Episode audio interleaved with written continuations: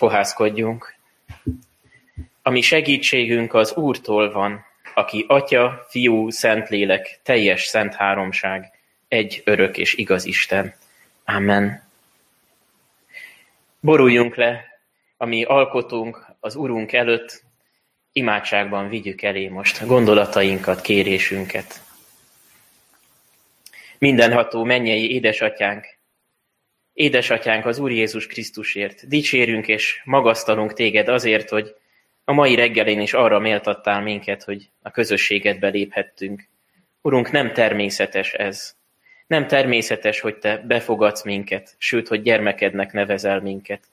Urunk, ez a te rendkívüli ajándékod és kegyelmed. Köszönjük, Urunk, hogy te annak ellenére, hogy látod a mi szívünknek a sötétségét sokszor, az ellened való lázadásainkat, bűneinket, te mégis megkönyörültél rajtunk. És nem csak, nem csak, hogy gondoskodsz a hétköznapi szükségleteinkről, hanem még el is árasztasz a te kegyelmeddel, megmutatod, hogy milyen bizalommal jöhetünk hozzád Jézusért, és milyen bizalommal kérhetjük nem csak a mindennapi kenyeret, hanem azt is, hogy legyél velünk közösségben, világosítsd meg a mi szemünket, szívünket, értelmünket a te szent lelkeddel, és mutasd meg, hogy milyen nagy örökségünk lehet nálad. Urunk, arra kérünk, hogy legyél velünk a mai Isten tiszteletünkön is. Hadd erősödjünk meg a te közösségedben. Hadd nyerjünk indítatást arra, hogy a testvéri közösségben is egyre inkább sugározzuk egymás felé is a te szeretetedet. Hadd képviselhessünk téged és a te dicsőségedet a mindennapokban is, egész életünkben. Így legyél velünk, kérünk. Amen. Urunk, lábunk előtt mécses a Te igéd, ösvényünk világossága. Amen. Hallgassuk meg, kedves testvéreim, ami Urunk Istenünk igéjét Pálapostolnak a Filippi beliekhez írott levelének harmadik fejezetéből, abból is a 20. és 21. verset. Ez lesz az ige hirdetés alapigéje is. Nekünk pedig a mennyben van polgárjogunk, ahonnan az Úr Jézus Krisztust is várjuk üdvözítőül, aki az ő dicsőséges testéhez hasonlóvá változtatja a mi gyarló testünket, azzal az erővel, amelyel maga alá vethet mindeneket. Kedves testvéreim, most éppen egy olyan vasárnapon lehetünk itt, amikor mennybe menetel és pünkösd ünnepe között vagyunk. Izgalmas ez a köztes időszak, mert ez a két ünnep éppen arról szól, hogy Jézus Krisztus munkálkodik a mennyen és a földön is. A mennyben mind király és közben járó, a földön pedig szent lelkével átjárja a híveinek szívét, és átformálja az életeket, megnyitja a szemeket. Fontos tudnunk, hogy Isten tervében sosem ülnek le az események. Mindig fontos és kitüntetett időpont van. És mostanában a mi gyülekezetünkben is megtapasztaljuk, hogy igencsak zajlanak az események, mozgalmas az életünk. A hétvégén volt a Szeretethíd, ma lesz a konfirmáció, emellett elindultak az online alkalmak mellett a személyes találkozások is, és a héten több ilyen alkalom lesz már, ahol személyesen is itt lehetünk a templomban. Most pünkösdre készülünk, de még a héten lesz a felnőtt konfirmáció is, és közben az ifisekkel is programokat szervezünk, akikkel legutóbb pénteken már személyesen is találkozhattunk. Szóval még így a vírushelyzet ellenére is mozgalmas az élet a gyülekezetünkben, de mindezek között is az Úr Jézus most megállít bennünket ezen a vasárnapon, ezen az Isten tiszteleten, és azt mondja, arra irányítja a figyelmünket, hogy a mi sokféle igyekezetünk, szervezkedésünk mellett figyeljünk az ő munkálkodására. Nézzünk rá, és figyeljük, hogy mit végez el a mi életünkben.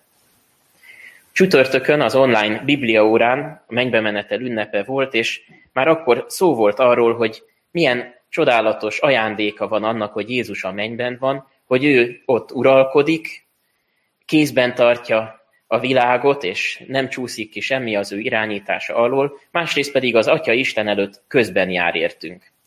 Erről beszéltünk ö, a csütörtöki Biblia órán. A mai igénk pedig folytatja a gondolatunkat, átvezeti mennybe menetelről egészen pünkösdig a mi gondolatunkat, és arról van szó itt, hogy milyen további ajándékokkal áraszt el bennünket az Úr Jézus a mennyből, aki most ott van a mennyben. Nézzük meg, hogy mik ezek az ajándékok.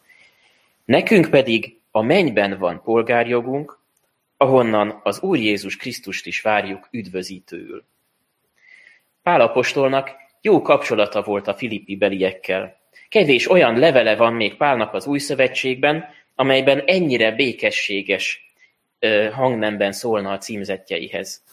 Olyan nagy szeretettel ír most a filippi beliekhez, és azt is mondhatom, hogy nagyon személyes hangon, közvetlenül. Egy olyan területről beszél, amely a, egy olyan témáról, amely egy fontos terület volt a filippi beliek életében, mondhatni, hogy szívügyüknek tartották. Ez pedig a polgárság témája.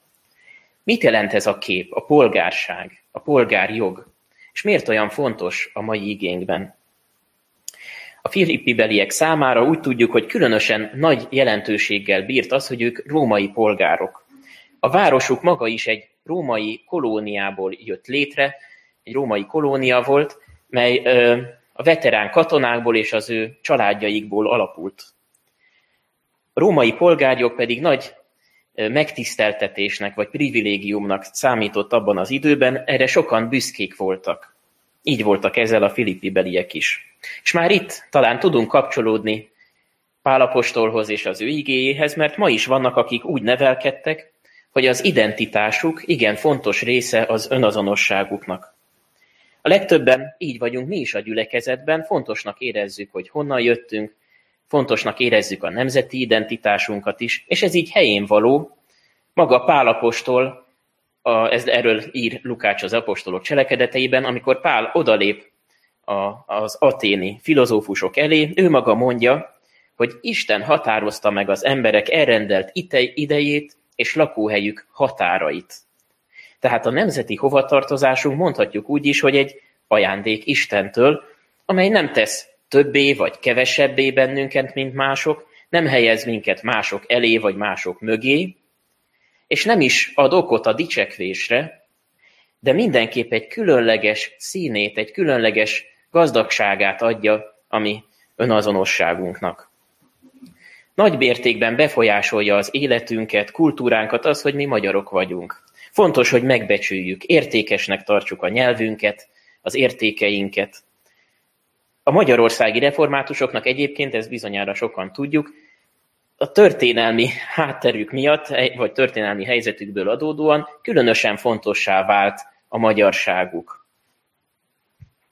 Vannak ugyanakkor olyanok is, akik úgy érzik, hogy annyira nyitott ma már a világ, és ez a másik oldal, olyan könnyen utazunk már a világ egyik pontjáról a másikra, hogy szinte nincs is már értelme nemzeti identitásról beszélni elmosódtak a határok, és egyébként is annyiféle helyről érkeznek egy városba az emberek, akár nem csak egy világi városra gondolhatunk, hanem itt Magyarországon Budapestre is. De különösen a világ más nagyvárosaiban látjuk, hogy akár egy ember is, egy ember is származhat több helyről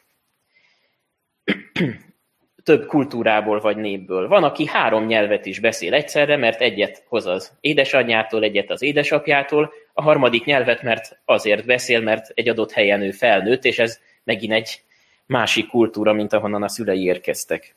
De vajon van így még értelme nemzeti hovatartozásról beszélni? Az a helyzet, hogy a nemzeteken túlmutató identitást sokan összekeverik a keresztény identitással. De van is végül is a Bibliában erre igei alap, maga Pálapostól mondja, hogy Krisztusban már nincs se görög, se zsidó, se férfi, sem nő. Csak hogy az a helyzet, hogy ha valaki keresztjénél lesz, azért attól még nem szűnik meg férfivá és nőnek, férfinak és nőnek lenni. Nem mondhatjuk, hogy ez, ez teljesen hátrahagyja vagy megszünteti. Na most akkor mondhatjuk, hogy a keresztjének tényleg elfelejthetik, hogy honnan jöttek, hova tartoznak? itt a földön. Azt mondhatom, hogy keresztjénként attól még, hogy Jézus követői lettünk, nem felejtjük el, hogy honnan érkeztünk. Nem tagadjuk meg a származásunkat, a múltunkat, és nem töröljük el a kultúránkat. Lehet, hogy van olyan, aki szeretné ezt tenni, de ez nem azonos a keresztény identitással. Attól még, hogy keresztjének vagyunk, itt élünk a Földön, nem bújtunk ki a bőrünkből. Nem tudjuk levetkőzni a történelmi, családi hátterünket. De talán nem is kell. Éppen, hogy felismerhetjük, hogy milyen helyre, milyen környezetbe helyezett minket Isten, hol határozta meg lakóhelyünk határait. Mert a lakóhelyünk, származásunk éppen, hogy egy lehetőség, egy feladat Istentől, ahová minket ő tudatosan elhelyezett és felelősséggel bízott meg, hogy itt munkálkodjunk, és itt mutassuk meg az ő dicsőségét. Ez nem jelenti azt, hogy nincsenek olyan rendkívüli helyzetek, amikor valakinek el kell hagynia akár a hazáját is. Különböző okokból ez megtörténhet, akár kényszerből, üldöztetés miatt, de akár missziói célból is, hogy más népekhez elvigye valaki az evangéliumot. Ám éppen ez mutatja, hogy bár fontos része a nemzeti hovatartozásunk az identitásunknak, ez is ö, különböző szituációkban ö, nem meginokhat, hanem hogy háttérbe kerülhet. Mégis a keresztjének számára az elsődleges mégis egy másik önazonosság, amely nem eltörli, hanem úgy mondanám, hogy felül múlja még a származásukat is, ez pedig a mennyei identitásuk, a mennyei polgárjog. A mennyei polgárság azt jelenti, hogy bárhova is mennek a keresztjének, ők Istennél mindig otthon maradnak. Mindig otthon lesznek. Azért, mert a szívük, az otthonuk már nem itt a földön van, hanem Istennél a mennyben. Ott van a mi helyünk, ott van a mi polgárjogunk. És ahogy mondtam, nem törli el ez a földi hátterünket, nem tagadjuk meg a múltunkat, de felülmúlja. Még csodálatosabb lesz, ahogy megtapasztaljuk, még inkább ragaszkodunk ehhez az otthonunkhoz. Mert minket elsősorban már a mi mennyei atyánk határoz meg. És a földön sok minden meginokhat, akár tragédiák is érhetik a népünket, számunkra mégis ott van az állandó és biztos otthon, a mennyei polgárjogunk. Krisztusban tehát fontosnak tarthatjuk azt is, ami itt a Földön van, de ez még nem a teljes kép, sőt, a lényeg a láthatókon túlmutat, mert ott van Istennél, a mennyei lakóhelyünkön. Mit jelenthet tehát az, hogy nekünk mennyei polgárjogunk van? Mire gondol itt Pálapostól? Ahhoz, hogy ezt könnyen áttekintsük, a múlt, a jelen és a jövő szempontjából szeretném vizsgálni a mai igénket. Nézzük meg először is a múltat, Nekünk pedig a mennyben van polgárjogunk, ahonnan az Úr Jézus Krisztust is várjuk üdvözítőül.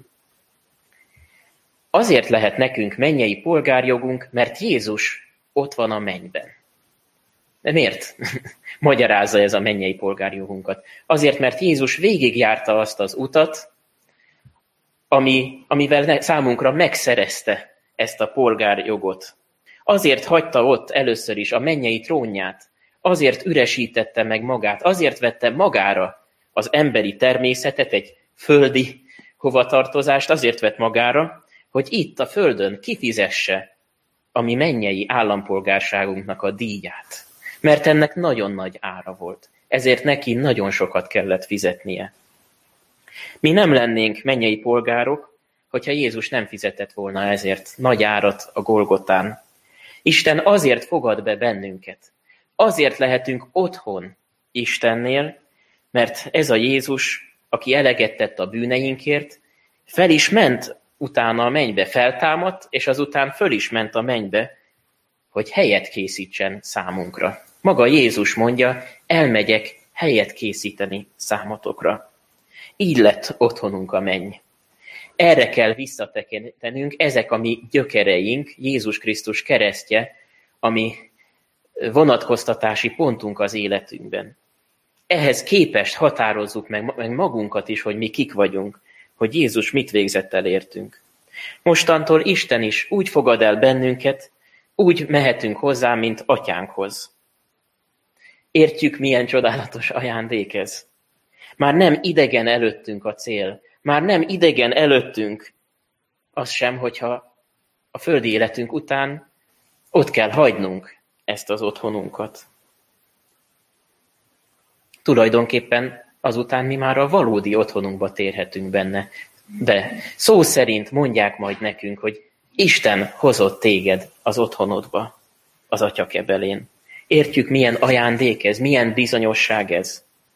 Hogyha a múltra nézünk, látjuk ott Jézus elvégzett váltságát, hogy ez volt az ára a mennyei polgárságunknak a mennyben. Így gondoskodott rólunk az Úr Jézus. Nézzünk a jelenre is. A jelenben sokszor annyira csak a földre vagyunk berendezkedve, hogy elfeledkezünk arról, hogy merre is tart az életünk. Pedig nem csak annyi az élet, amennyit a szemünk előtt látunk. Sokan csak elhitetik magukkal, hogy ennyi az élet. Nincs tovább, ez a 70-80 esztendő, és sokan még azt is elhiszik, hogy ez elegendő.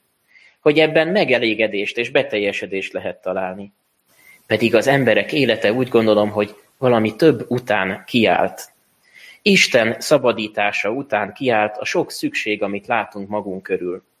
Mindenféle társadalmi programokkal, segélyezéssel, emberi jogok biztosításával és ezekért való harcokkal próbálja magát az ember megelégíteni és, és biztonságot szerezni magának. De nem képes ezt betölteni. Mindezek fontosak számunkra, a földi szükségleteink, a földi biztonságunk, de a valódi megelégedést mégsem ezek hozzák el az embernek. Akinek fontos a hovatartozása, az igyekszik arra, hogy ápolja, őrizze a kultúráját, a nyelvét, a hagyományait, mindazt fontosnak tartja, amit ott kapott, ahonnan érkezett. Aki a mennybe tartozik, annak pedig odahúz a szíve. Jézusra gondol életének minden napján. Az ő gondolatait, az ő értékrendjét keresi. Az ő szent lelkének tanácsát kéri minden nap. Pálapostól is így gondolt, így nézett a mennybe ment Úr Jézusra. A kolossi levélben így irányítja a keresztjének figyelmét Jézusra, még a mindennapokban is. Ha tehát feltámadtatok a Krisztussal, azokat keressétek, amik odafent vannak, ahol a Krisztus van, aki az Isten jobbján ül. De maga Jézus is úgy imádkozik a mennyei polgárokért, az ő tanítványaiért, hogy nem azt kérte, hogy vegye ki az atya őket a világból, hanem hogy őrizze meg őket a gonosztól. Értjük, hogy milyen örömteli állapot lehet ez, amikor bár még nem vagyunk ott a mennyei otthonunkban, de már most megtapasztalhatjuk Isten gondoskodását. Azt, hogy bár ebben a világban vagyunk, mégsem ebből a világból valók vagyunk. Ez azt jelenti, hogy készek vagyunk a jelenben cselekedni, de a mi cselekvésünk nem a jelenben éri el a célját és az értelmét. Mi már nem a földön gyűjtünk kincseket, ahogyan Jézus is utasított bennünket, nem a földön gyűjtünk kincseket, ahol a moly és a rozsda megemészti a munkánkat, vagy ahol a tolvajok kiássák és ellopják a kincsünket, hanem mi már a mennyben gyűjtünk kincseket magunknak.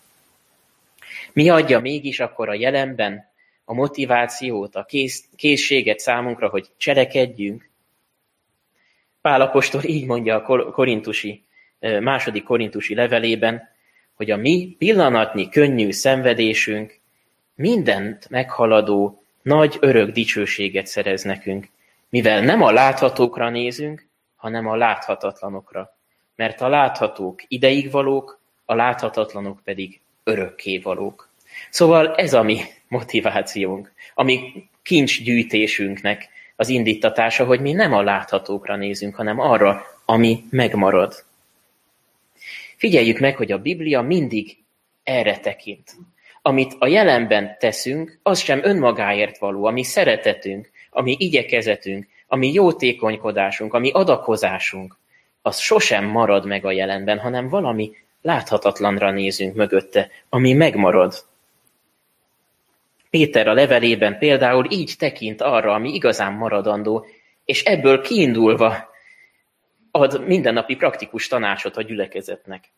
Így írja, tisztítsátok meg lelketeket az igazság iránti engedelmességgel, képmutatás nélküli testvérszeretetre. Egymást kitartóan, tiszta szívből szeressétek, mint akik nem romlandó, hanem romolhatatlan magból születtek újjá, Isten élő és maradandó igéje által. Értjük, hogy valami maradandót kaptunk, ami identitásunk, ami mennyei polgárjogunk már nem múlik el, az az, amiben belekapaszkodhatunk, és ez fog minket arra indítani a jelenben, hogy egymást tiszta szívből, testvéri szeretettel szeressük. Látjuk tehát, hogy fontos a földi származásunk, a földi polgárságunk, és sokszor a Bibliában is fontos a földi származás. Gondoljunk az ószövetségi történetekre, mennyire fontos volt, hogy a Izrael 12 törzse épségben megmaradjon. Vagy csak egy példát hadd hozzak, még Júda törzsének kitüntetett szerepe volt az Ószövetségben is. Dávid király, Júda törzséből származó király volt, és a messiás ígérete is úgy hangzott, hogy majd Dávid utódjaként, Júda törzséből jön el ez a megváltó, ez a szabadító. És Jézus valóban földi szempontból Júda törzséből származott. Édesanyja Júda törzséből való volt. Még azt mondom, hogy bizonyító ereje is van a földi származásnak itt a Bibliában, mert igazolja, hogy igen, Jézus az, akit a zsidó nép várt, Jézus az, aki a világ megváltója lesz, ő az a megígért király. És a különleges az, hogy még ez a földi származás is önmagán túlmutat, a láthatóról a láthatatlanra tovább mutat, és ezt tapasztalhatjuk meg a mi életünkben is, hogy akik vagyunk, ahonnan jöttünk, az fontos, de tovább mutat a mi mennyei hovatartozásunkra. Amiről nekünk is bizonyságot kell tennünk az emberek előtt, az már nem pusztán annyi, hogy mi magyarok vagyunk, vagy, vagy nézzünk a családunkra, hogy milyen származású család vagyunk, mi a foglalkozása a családunknak. Nem pusztán ennyi, hanem az, hogy ezen a láthatón is hogyan mutat tovább az Úr Jézus szeretete. Nem büszkeség lesz így a mi származásunkból, hanem felelősség, a felelősség felismerése, és ami a legfontosabb, Isten dicsérete. Azt kereshetjük ezután, hogy miért helyezett el Isten minket itt, a Kárpát-medencében, Magyarországon, vajon milyen feladatot szeretett, szeretne Isten adni nekünk ezen keresztül, milyen felelősséget bíz ránk, hol van nekünk megbizatásunk. És gondolhatunk a foglalkozásunkra is. Hogyan tudjuk a mi foglalkozásunkon keresztül megmutatni Isten szeretetét? A láthatón hogyan tud túlmutatni a mi mennyei polgárságunkra az, amit végzünk lelkiismeretesen felelősséggel. Az orvos, aki gyógyít, hogyan tud a mennyei orvosra tovább mutatni, aki igazán gyógyít. Aki felelősséggel ö, dolgozik, vagy, vagy, vagy valami magasabb szinten van a társadalomban, és irányít, vezet, kormányoz, hogyan tud az igazi királyra tovább mutatni a mennyei uralkodóra, aki, aki nem él vissza a hatalmával. Hogyan tudják a tanárok megmutatni azt az igazi mennyei tanítót, a szent lelket, aki nem csak földi dolgokra, hanem mennyei dolgokra nyitja föl a szemünket és világosít meg bennünket. Értjük, hogy mindenki a saját hivatásában tovább mutathat valami mennyeire, valamire, ami Jézustól van. A kérdés csak, hogy megmutatom-e Isten dicsőségét a magam életében. A keresztény ember tehát korán sem tétlen a jelenben attól még, hogy mennyei identitása van. A jelenben is eltöltheti a szívét a felelősségérzet, másrészt pedig a minden értelmet meghaladó békesség és nyugalom. Hogy én küzdök itt a földi életben, dolgozom, de már otthon vagyok. Már a helyemen vagyok. És ez úgy gondolom, hogy nagyon nagy ajándék az embernek, és erre áhítozik sokaknak a szíve. Akár fontos a származása valakinek, vagy a nemzeti identitása, akár nem, valahol szeretné otthon érezni magát. És Istennél pontosan ezt találjuk meg. Már otthon vagyunk, már befogadtak. Az otthon melegében és szeretetében megnyugodhatunk. És ezt a vágyat, ami után az emberek vágyakoznak, tényleg csak Isten képes betölteni. Szóval beszéltünk arról, hogy mit végzett el számunkra az Úr Jézus a múltban, hogyan élhetünk a jelenben, és beszéljünk arról is, hogy a jövőben milyen bizonyosságot és reménységet ad nekünk ez a mennyei polgárjogunk. Nekünk pedig a mennyben van polgárjogunk, ahonnan az Úr Jézus Krisztust is várjuk üdvözítőül. Mit mond itt Pál apostol? Hogy Jézust várjuk. És ezt jelenti a mi mennyei polgárságunk már most. Jézust várjuk, mint aki szabadítunk, üdvözítünk lesz. Örömmel várjuk majd Jézust. Nem egyedül van ez a gondolat a Bibliában, hanem máshol is olvasunk arról, hogy Jézus eljön valóságosan. Az apostolok cselekedeteiről írott könyv például, ez írja le a leghosszabban Jézus mennybe menetelének a hírét, és az angyalok, akik a, az égben révedő tanítványokhoz szólnak, erről tesznek tanúságot. Ez a Jézus, aki felvitetett tőletek a mennybe, úgy jön el, ahogyan láttátok őt felmenni a mennybe. Valaki mondhatná, hogy hát miért foglalkozzak a mennyei dolgokkal, a mennyei polgárságommal, ha Jézus csak később jön el. Hát nem elég akkor foglalkozni ezzel, amikor már közel van a halálom, vagy eljön az utolsó nap, és visszajön az Úr Jézus. Nem elég akkor elővenni ezt az ügyet. Hát nem élhetnek úgy a keresztjének, mint akik kizárják a világot maguk körül, nem vesznek tudomást azzal a sok, arról a sok-sok problémáról, ami körbevesz bennünket, a szegény helyzet, szegények helyzete, a társadalmi problémák, oktatni kell a fiatalokat, a környezetvédelmi problémák is ránk nehezednek, hát nem élhetnek úgy a keresztjének, mintha ezekről tudomást se vennének. Becsukhatja a szemét egy felelősségtudó ember ilyenek előtt? Úgy gondolom, hogy attól még, hogy mi Jézust várjuk, és oda húz a szívünk a mennybe, attól még egyáltalán ez nem zárja ki azt, hogy a jelenben felelősség teljesen gondolkodjunk. Sőt, úgy gondolom, hogy az fog a jelenben is józanul és szeretettel, szeretett teljesen tervezni, Isten szerint élni, aki, aki a Jézustól kapott mennyei látással forgolódik a jelenben is. Persze, a társadalmi ügyekben, a környezetvédelmi kérdésekben nem csak a keresztjének munkálkodnak, más is ö, cselekvő és aktív ezeken a területeken. Ám mégis azt mondom, hogy valami különlegessége és rendkívülisége mégis van a keresztényeknek.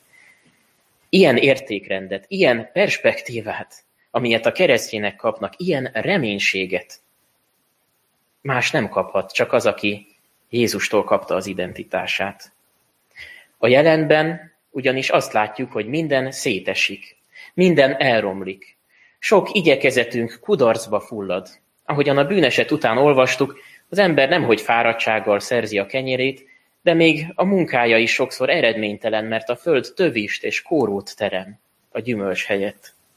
Szóval, ha van is fejlődés vagy siker, még az is csak azért lehet, mert esetleg pénzes emberek mögé álltak valamilyen ügy mögé, magukat szeretnék reklámozni a jótékonykodásukkal, szóval még a fejlődés mögött is valami fanyarú, önös érdeket vélünk észrevenni, és még sincs a világban igazi ö, virágzás, fejlődés.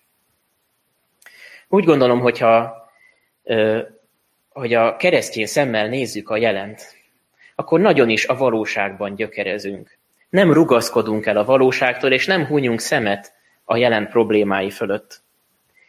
Olyan valóságosan foglalkozunk a jelennel, mint amilyen valóságosan hisszük, hogy Jézus egyszer eljött, valóságosan a mennybe ment, és valóságosan el is fog jönni. Számunkra Jézus cselekedete keretezi a mi földi életünket is. Viszont ez, hogy Jézus visszajövetelét várjuk, a jövőbe tekintünk, úgy gondolom, hogy egészen más fénybe helyezi a jelenünket is. Amint mondom, mondtam már, vagy említettem, a jelenben azt tapasztaljuk, hogy amit építünk, sokszor szétesik, de mi a láthatón túl a láthatatlanra nézünk, mert tudjuk, hogy hol van nekünk maradandó városunk. Mert nincs itt maradandó városunk, ahogy olvasjuk a zsidókhoz írt levélben is, hanem az eljövendőt keressük. Nem vagyunk tétlenek a jelenben. Nem véletlen, hogy Jézus egy királyi mennyegzőről mond példázatot, amikor a, a menny felé való igyekezetünkről szeretne tanítani. Egy királyi mennyegzőről beszél. Hogyha meghívnának bennünket a lehető legdíszesebb vendégségbe, vajon nem készülődnénk-e izgatottan erre a vendégségre? Elkészítjük a ruhánkat, végig gondoljuk, hogy milyen ajándékot vihetünk a házigazdának, hogyan járhatunk a kedvébe. És természetesen nem hagyjuk ott a hétköznapi teendőinket, feladatainkat sem, de mégis az lebeg a szemünk előtt, hogy mi hova készülődünk örömmel.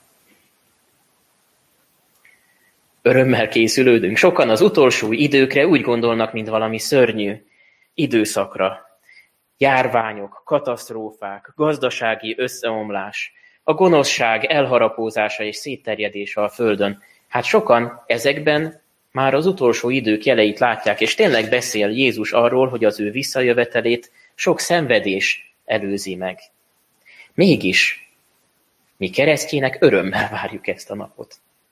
Azért, mert számunkra Jézus visszatérése, ez az utolsó nap örömteli lesz, mert tudjuk, hogy csak beteljesedik az, amiben eddig is éltünk, aminek a fényében eddig is éltünk.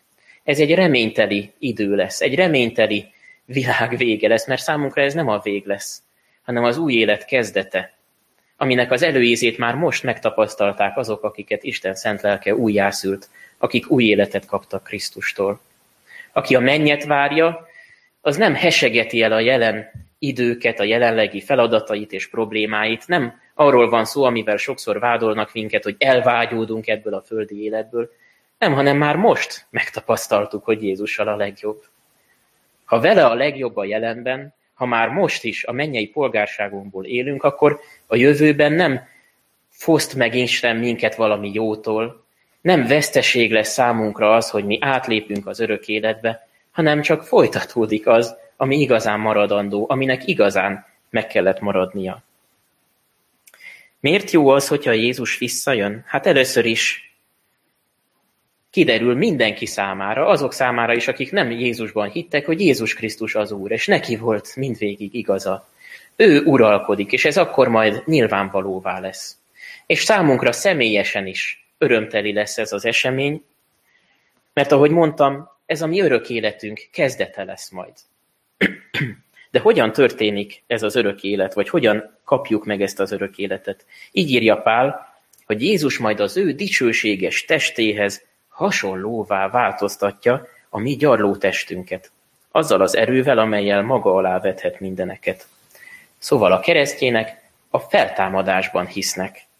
Nem abban hiszünk, hogy a halálunk után a lelkünk valahogy tovább lebeg valahova, és beleolvad a mindenségbe, vagy Istenbe, ilyen megfoghatatlan lesz a menny, hanem hisszük, hogy halálunk után is megmaradunk. Mi magunk azok leszünk, akik vagyunk, feltámadunk, mi magunk valóságos testben. Mondhatnám úgy is, hogy tapintható valóság lesz, sokkal valóságosabb, mint amit ma valóságnak gondolnánk. Honnan tudom ezt? Hogy Jézus teste valóságos volt, amikor feltámadt. És ezt mondja Pál, hogy az ő testéhez hasonlóvá változtatja majd a mi testünket is. Valóságos test volt, amelyet meg lehetett érinteni, amelyen rajta voltak a sebhelyek még, a szegek nyoma. Ez tényleg Jézus volt, valóságosan ő volt, még ha ez már egy romolhatatlan lelki test volt is. Nehéz ezt fölfogni, nem tudjuk elképzelni. Csak örülhetünk neki, hogy ez örömteli lesz. És ez nem azt jelenti, hogy a mi testünkön is rajta maradnak a sebhelyek majd, hanem inkább azt mondanám, hogy Jézus is egészen felismerhető a feltámadott testében. Ő az, ami igazán jellemzi őt, hogy ő az, aki a vérét adta értünk, az továbbra is emlékeztető jelként ott maradt rajta. Amikor a Biblia a test feltámadásáról beszél, a legtöbbször a görög szóma kifejezést használja erre, és ez a, nem csak a mi testünket, hanem az egész személyiségünket is jelenti. Aki, amikor föltámadunk, akkor azok majd igazán mi leszünk. Mi magunk leszünk. Ez egy nagyon nagy ígéret. Úgy gondolom, hogy máshol nem is találunk ekkora ígéretet, mint a kereszténységben és a feltámadás hitében. Enélkül hiába való lenne az ige hirdetésünk, és hiába való a mi hitünk is, mondja Pál. Itt van már az óra, amikor fel kell ébrednetek az álomból, hiszen most közelebb van hozzánk az üdvösség, mint amikor hívőkké lettünk. Amikor tudatosítjuk, hogy nekünk mennyei polgárságunk van, akkor úgy gondolhatunk erre, mintha amikor föl, fölébredtünk volna az álomból. Hát ilyen lehetőségeim vannak nekem. Ezt tette a múltban értem Jézus. Ilyen sok értelme van a cselekvésemnek a jelenben, és ilyen távlatokban gondolkodhatok, hogyha a jövőre gondolom, gondolok. De ez óriási öröm. Úgy gondolom, hogy ez az öröm, az, ami meghatározhatja a jelenünket, a mostani gondolkodásunkat, ami polgárságunkról, akár itt a földi polgárságunkról és, és a mennyei polgárságunkról is. Ennek a szeretetében éljünk minden nap, ezt, ennek örömét sugározzuk embertársaink felé. Ezt az örömöt kívánom mindannyiunknak ma is. Amen. Isten igényére válaszolva egy csendes percben imádkozzunk.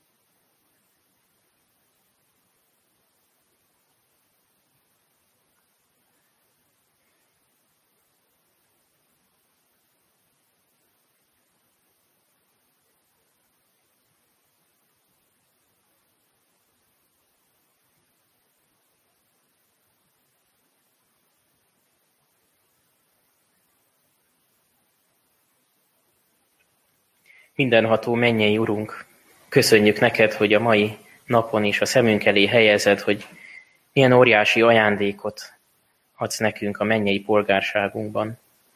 Urunk, köszönjük, hogy nem kell elfelejtenünk a múltunkat, nem kell megtagadnunk a hovatartozásunkat itt a Földön, de mégis megtagadjuk azt, ami bűn, megtagadjuk önmagunkat, és te utánad jövünk felvéve a keresztünket. Téged követünk, mert Máshol nincsen az örök élet beszéde, egyedül csak nálad.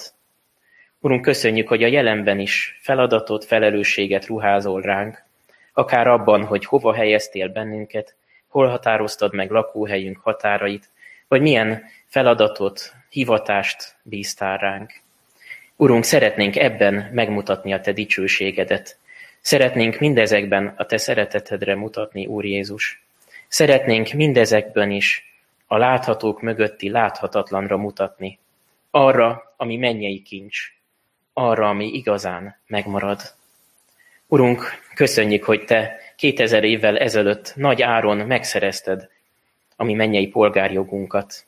Köszönjük, hogy nekünk már a jelenben is oda húzhat a szívünk. Tudhatjuk, hogy amikor munkálkodunk, akkor nem hiába való a mi fáradozásunk, hiszen nem csak a jelenbeli kudarcokra, romlásra, szétesésre kell gondolnunk, és nem csak ennyit kell látnunk, hanem tudhatjuk, hogy a mi életünk az új teremtés felé halad, amikor te mindent magad alá vetsz, és mindent újjá teszel.